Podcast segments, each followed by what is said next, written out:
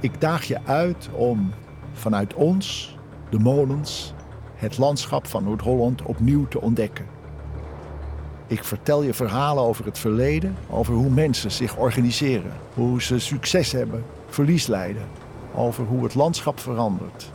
Je ontmoet de molenaars die ons in stand houden en je ontmoet mensen die vandaag de dag aan het landschap werken en nadenken over de toekomst.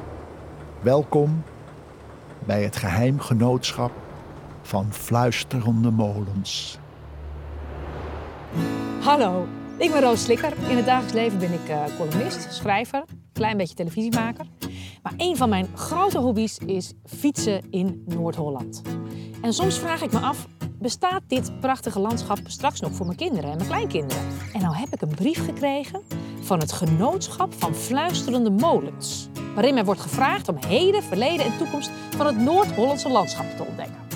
Ik ben uh, Micha van Beuren. Ik ben ruimtelijk ontwerper, landschapsarchitect bij Wageningen University and Research. Ik ben medeontwerper van de kaart en het project wat gaat over de toekomst van uh, Nederland in 2120. Ja, en het genootschap van die fluisterende molensroos, die heeft mij gevraagd om jou op weg te helpen door dat landschap op jouw fietsroutes. Want als je met goede ogen kijkt, dan is het landschap een tijdmachine van verschillende tijden komen dingen in het landschap terug. Hè. Soms is iets middeleeuws, soms uit de Gouden Eeuw. Of we hebben het gisteren pas gemaakt. Maar dat is precies waar ik jou op wil attenderen.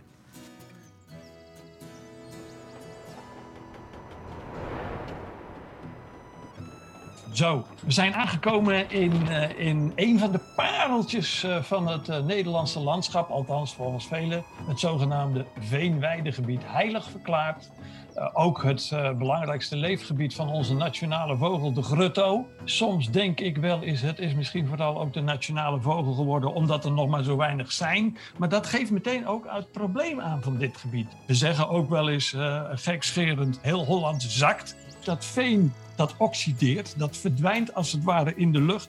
En daarbij ontstaan heel veel broeikasgassen.